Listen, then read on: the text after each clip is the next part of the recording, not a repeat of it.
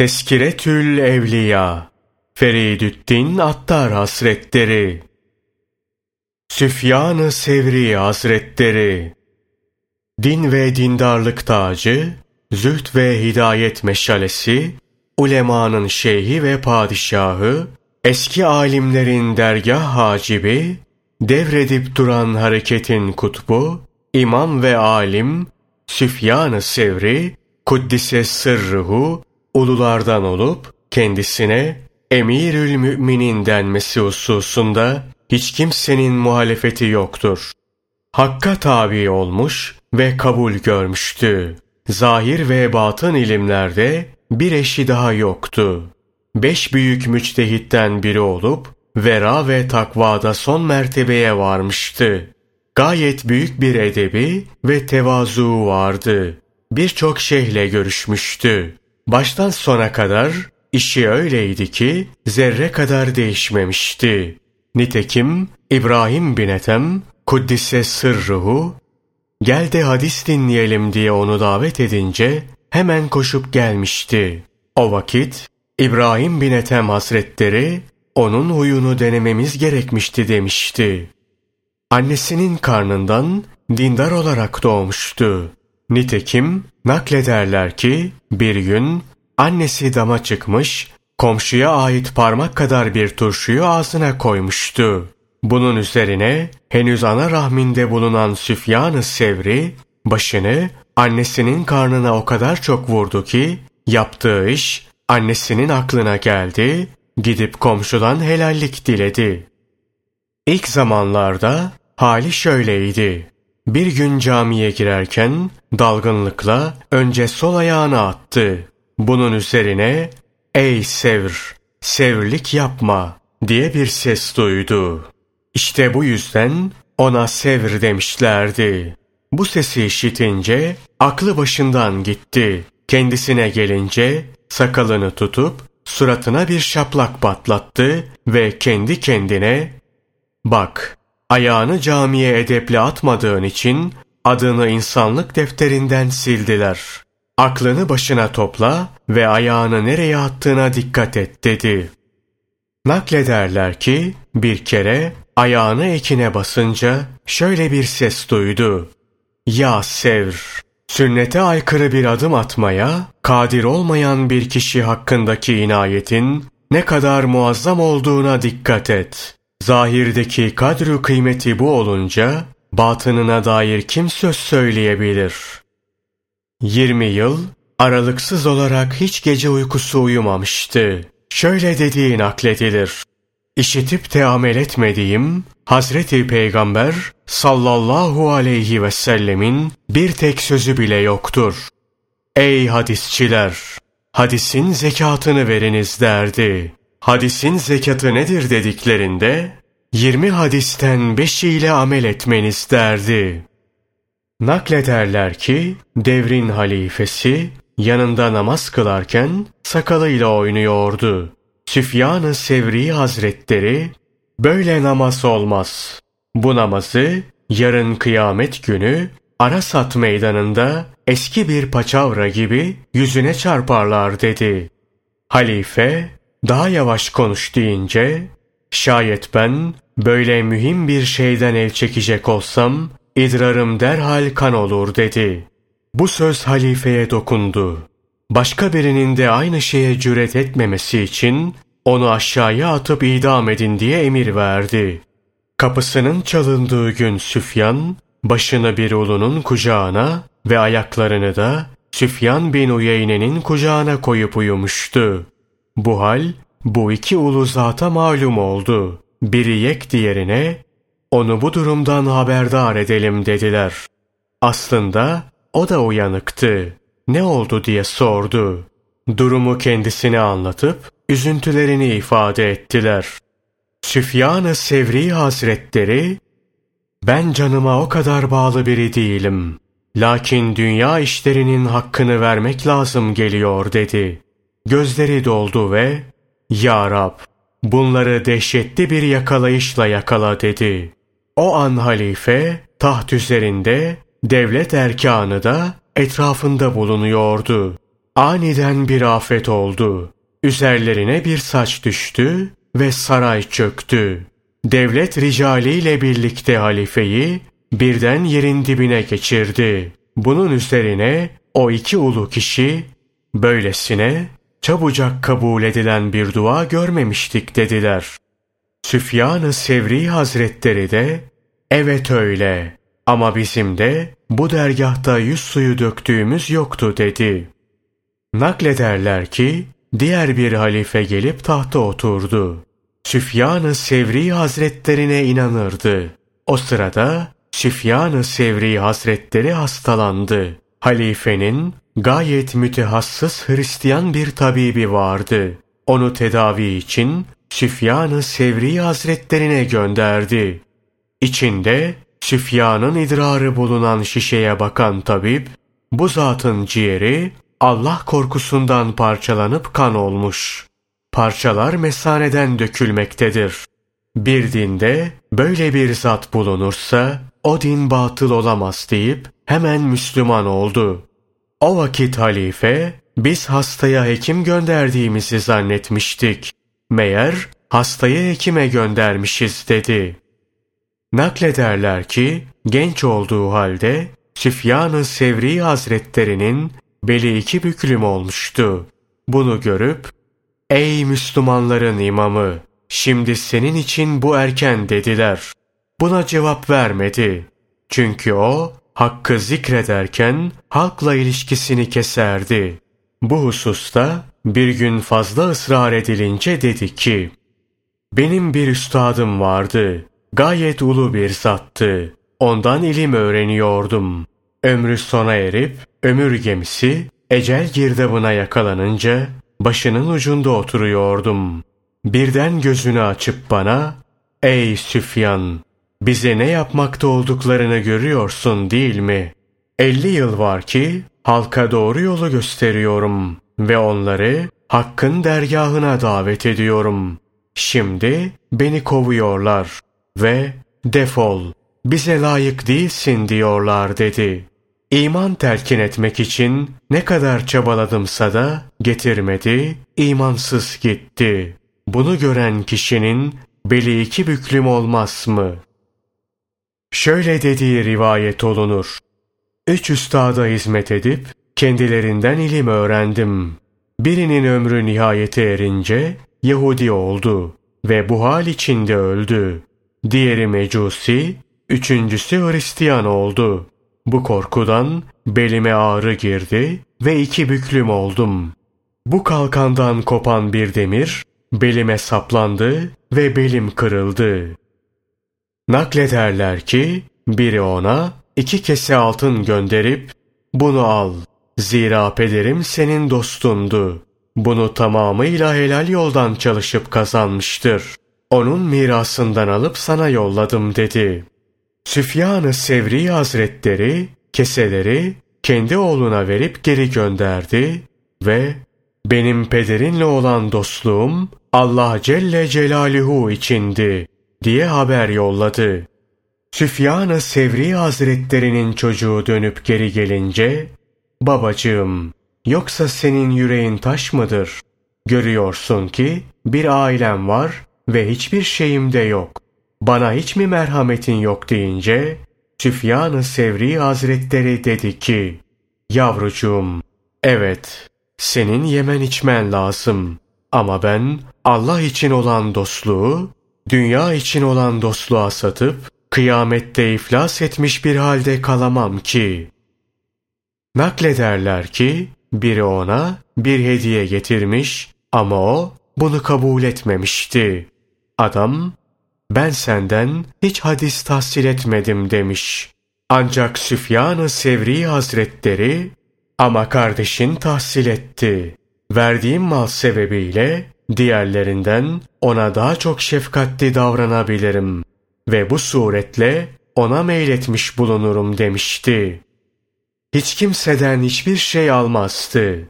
Eğer minnet altında kalmayacağımı bilsem o alemi alırdım derdi.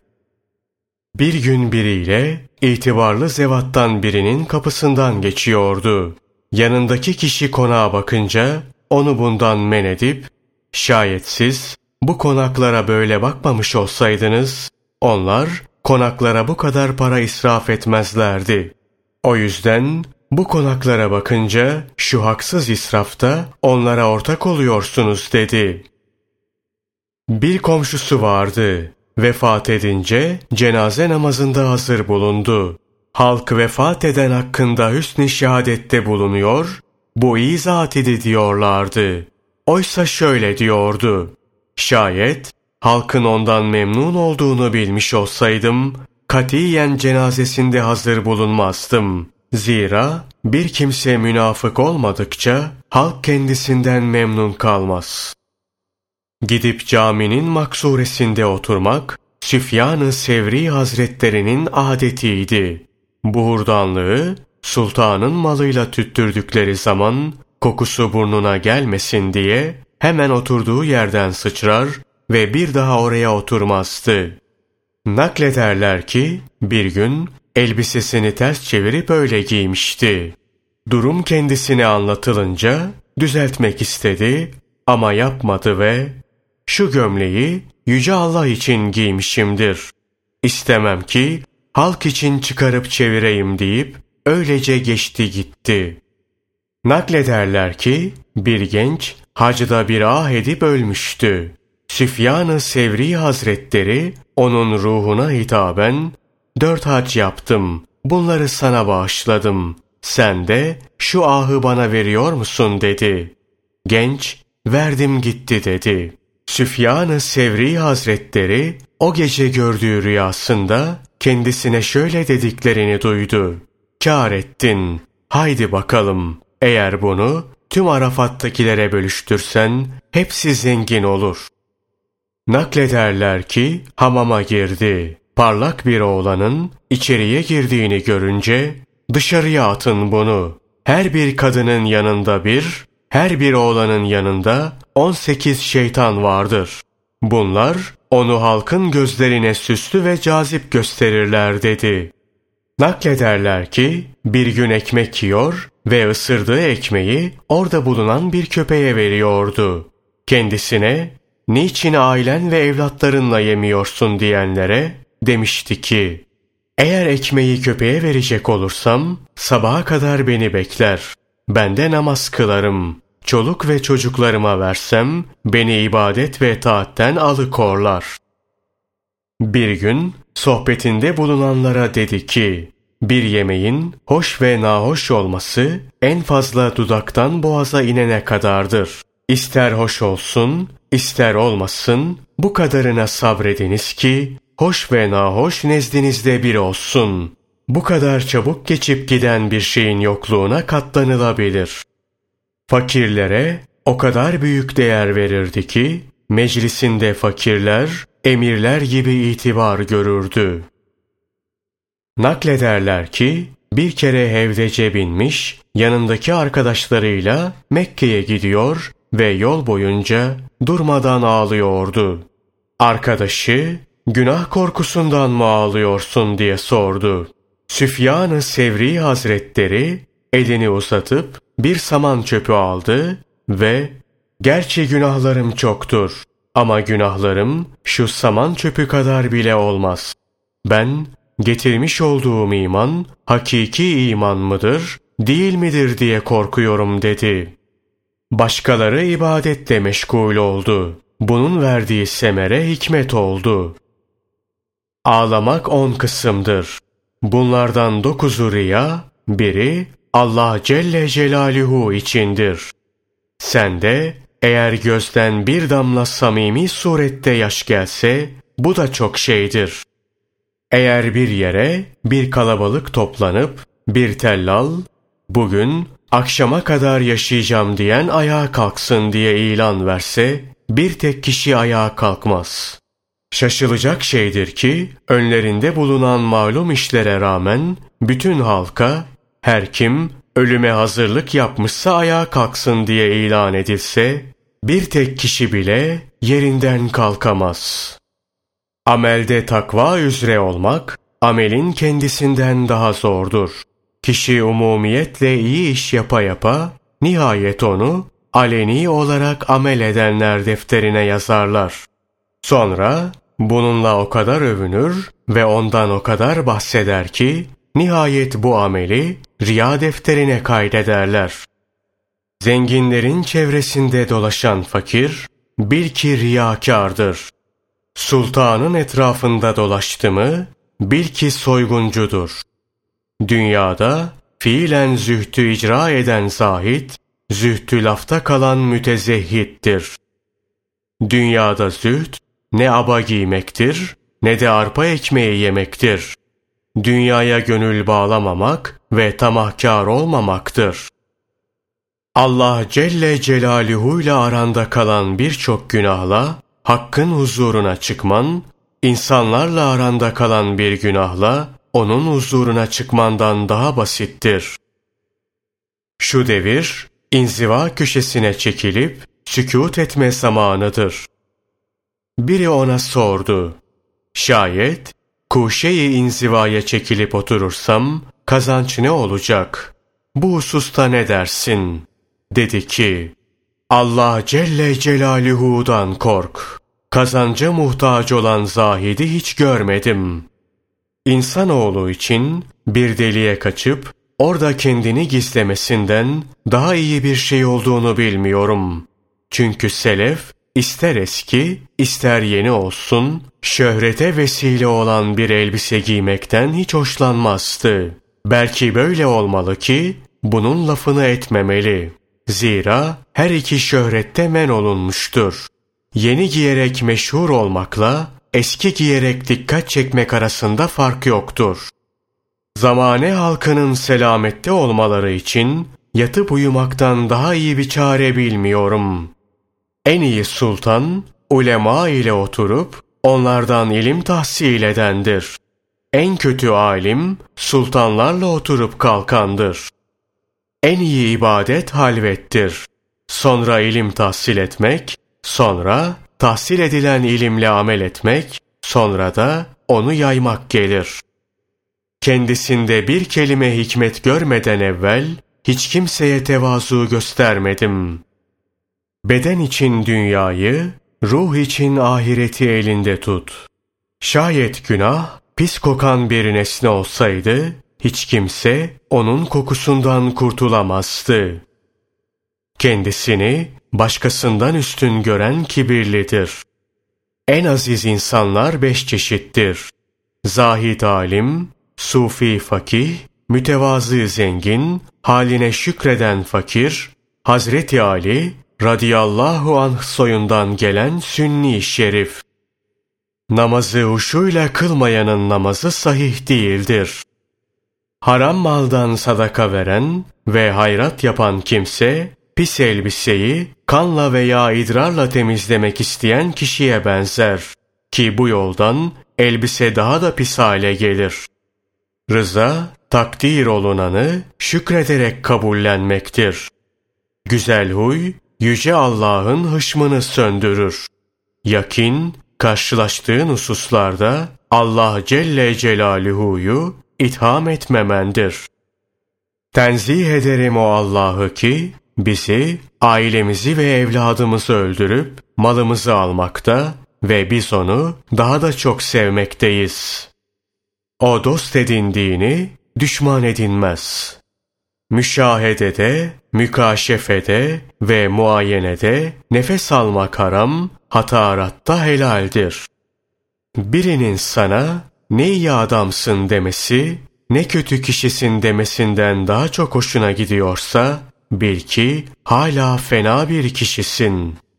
Yakin nedir sorusuna cevaben dedi ki, kalpte bulunan bir fiildir. Yakin sıhhatli olunca marifet sabit olur. Yakin, başına gelen her şeyin hakla sana geldiğini bilmendir. Veya vaad olunanın sana gözle görünür hale gelmesi, hatta daha da aşikar olmasıdır. Yani vaad olunanın hazır olması, belki bundan fazla apaçık olmasıdır. Peygamber Efendimiz sallallahu aleyhi ve sellem çok et yenen bir hane halkından Allah nefret eder hadisiyle neyi kastetmiştir diye sorduklarında dedi ki, gıybet edenleri kastetmiştir. Çünkü hiç durmadan Müslümanların etini yiyorlar. Hatimi Esam'a dedi ki, sana dört söz söyleyeceğim. Dört hususun kaynağı kafirlik ve bilgisizliktir. Birincisi, halkı kınamak, kaza ve kaderi görmemektendir ve kazayı görmemek kafirliktir. İkincisi, Müslümanlara haset etmek, kısmeti görmemektendir ve kısmeti görmemek kafirliktir. Üçüncüsü, haram ve helalliği şüpheli mal biriktirmek, kıyametteki hesabı görmemektendir ve kıyametteki hesabı görmemek kafirliktendir. Dördüncüsü, Allah Celle Celaluhu'nun tehditlerinden emin olmak ve vaadine bel bağlamamak. Cenabı Hakk'ın vaidini ve vaadini görmemekten olup, vaid ve vaadi görmemekte tümüyle kafirliktir. Naklederler ki, Süfyan-ı Sevri Hazretleri, şayet müritlerinden biri sefere çıkacak olursa, ona, eğer bir yerde satılık ölüm görürsen, benim için satın al diye tembih ederdi. Eceli yaklaşınca ağladı ve ölümü arzu etmiştim. Şimdi ölüm gayet güç. Keşke bütün seferler bir asa bir matarayla çıkılabilir cinsten olsaydı. Ama Allah Celle Celaluhu'nun huzuruna varmak üzere çıkılan sefer cidden çok zor. Aziz ve celil olan Allah'ın katına varmak kolay değil. Her ne zaman ölüm ve onun insanı istila etmesiyle ilgili bir söz işitse, günlerce kendinden geçerdi. Kime rastlasa, gelmeden evvel ölüm için hazırlık yap derdi. Ölümden hem bu kadar korkar, hem onu bu kadar arzu ederdi. Ahbapları, cennet hoşuna gidiyor mu diye sorduklarında, başını sallayıp dedi ki, ne diyorsunuz? Hiç cennete girebilir miyim? Veya onu benim gibi birine verirler mi? Ölümü Basra'da vaki olmuştu. Basra emiri valiliği ona vermek istemişti. Aradılar, ahırda buldular. Karnı ağrıyordu. Ama bir an durmadan, dinlenmeden ibadetle meşguldü. O gece hesap ettiler, tam 60 kere abdest almış ama yine de abdesti bozulmuştu. Namaz kılayım derken abdest bozma ihtiyacını duyuyordu. Böyle zamanda abdestli olmasan da olur diyenlere istiyorum ki Azrail aleyhisselam gelince pis değil temiz olayım. Zira murdar yüz bulup Cenabı Hakk'ın huzuruna yönelemez ki dedi. Abdullah Mehdi anlatıyor. Süfyan bana yüzümü zemin üzerine koy.